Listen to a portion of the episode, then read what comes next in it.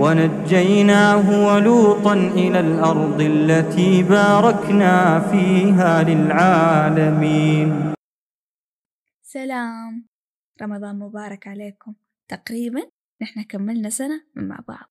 الله يجعل هذا البودكاست شاهد لنا لا علينا. إن شاء الله يا رب إنه يكون بداية خير نفس السنة اللي فاتت وتستمتعوا في هذا البودكاست. أعطوا البودكاست لناس تعزوهم خلوهم يسمعوا. بيعرفوا عن دين بيعرفوا القصص بعدما خرج إبراهيم عليه السلام من بلاده وذهب إلى بلاد الشام. بعد ما خرج هم رايحين لأرض الشام.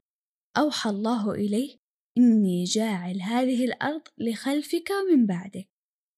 ففرح إبراهيم عليه السلام وذبح لله شكرا على هذه النعمة. قال تعالى إلى الأرض التي باركنا فيها للعالمين. وهذه هي لبلاد الشام. بعد ما وصلوا مصر أعجب ملك مصر بسارة وكان قد سمع بأن هنا رجل معه امرأة من أحسن الناس فلم تكن امرأة من بعد حواء في زمنها أشد جمالا غيرها. فأرسل إليه وسأله عنها راح لإبراهيم عليه السلام وسألوا عنه قال له من هذه؟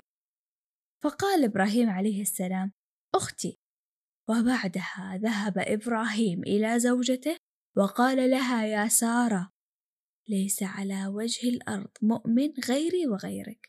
وإن هذا سألني فأخبرته أنك أختي فلا تكذبيني. ملك مصر أعجب في سارة وطلب إنه سارة تجيه للقصر حقته. بعدما ذهبت سارة إلى ملكة مصر قبل ما يجي لها راحت قالت له أنا بتوضى وبصلي. وهي تتوضى وتصلي قاعدة تدعي الله اللهم إن كنت تعلم إني آمنت بك وبرسولك وحصنت فرجي إلا على زوجي فلا تسلط علي الكافر. أول ما تخلص يجي يقرب منها يحجبه الله عنها. للمرة الثانية برضو بتتوضأ وبتدعي للمرة الثانية. وعادت الكرة ثلاث مرات. كل ما تتوضأ وتدعي يجي يقرب منها ما يقدر يلمسها. حتى فزع. انفجع منها.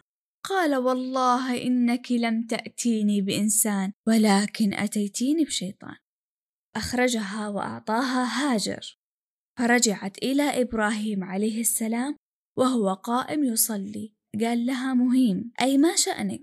فقالت كفي الله كيد الظالم. أخدمني هاجر. أي أعطاني هاجر جارية لي وكان إبراهيم عليه السلام.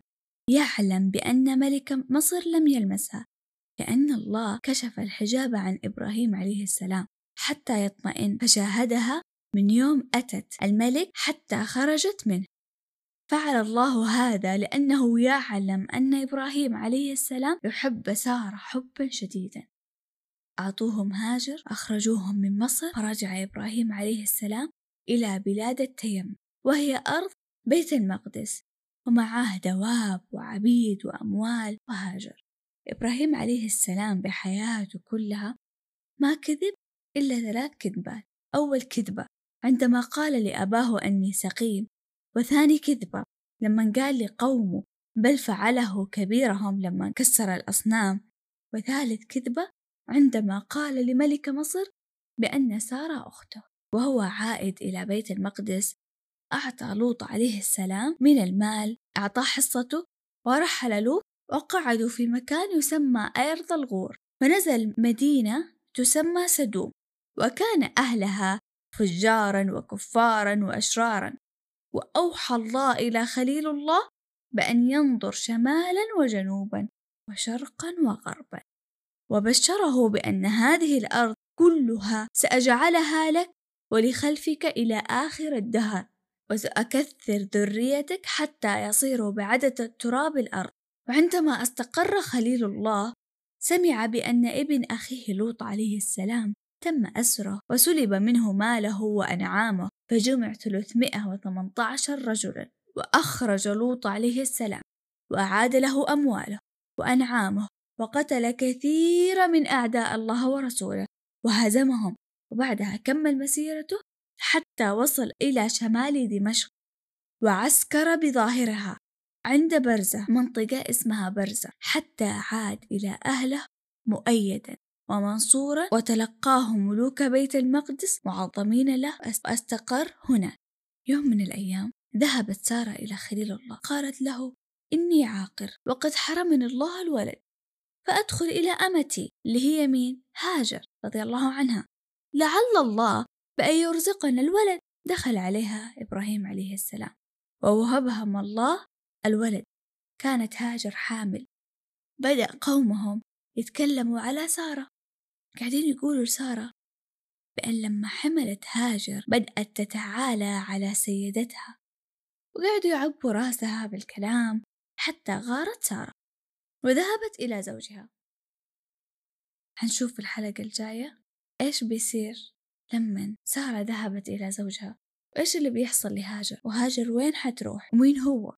الشخص اللي بتولده هاجر رضي الله عنها نشوفكم متى؟ الحلقة شاركونا في حلقة اليوم على مواقع التواصل باسم البشاير بودكاست أو على أبل بودكاست أو على التويتر بهاشتاج قصيصيات عقلية. إلى اللقاء.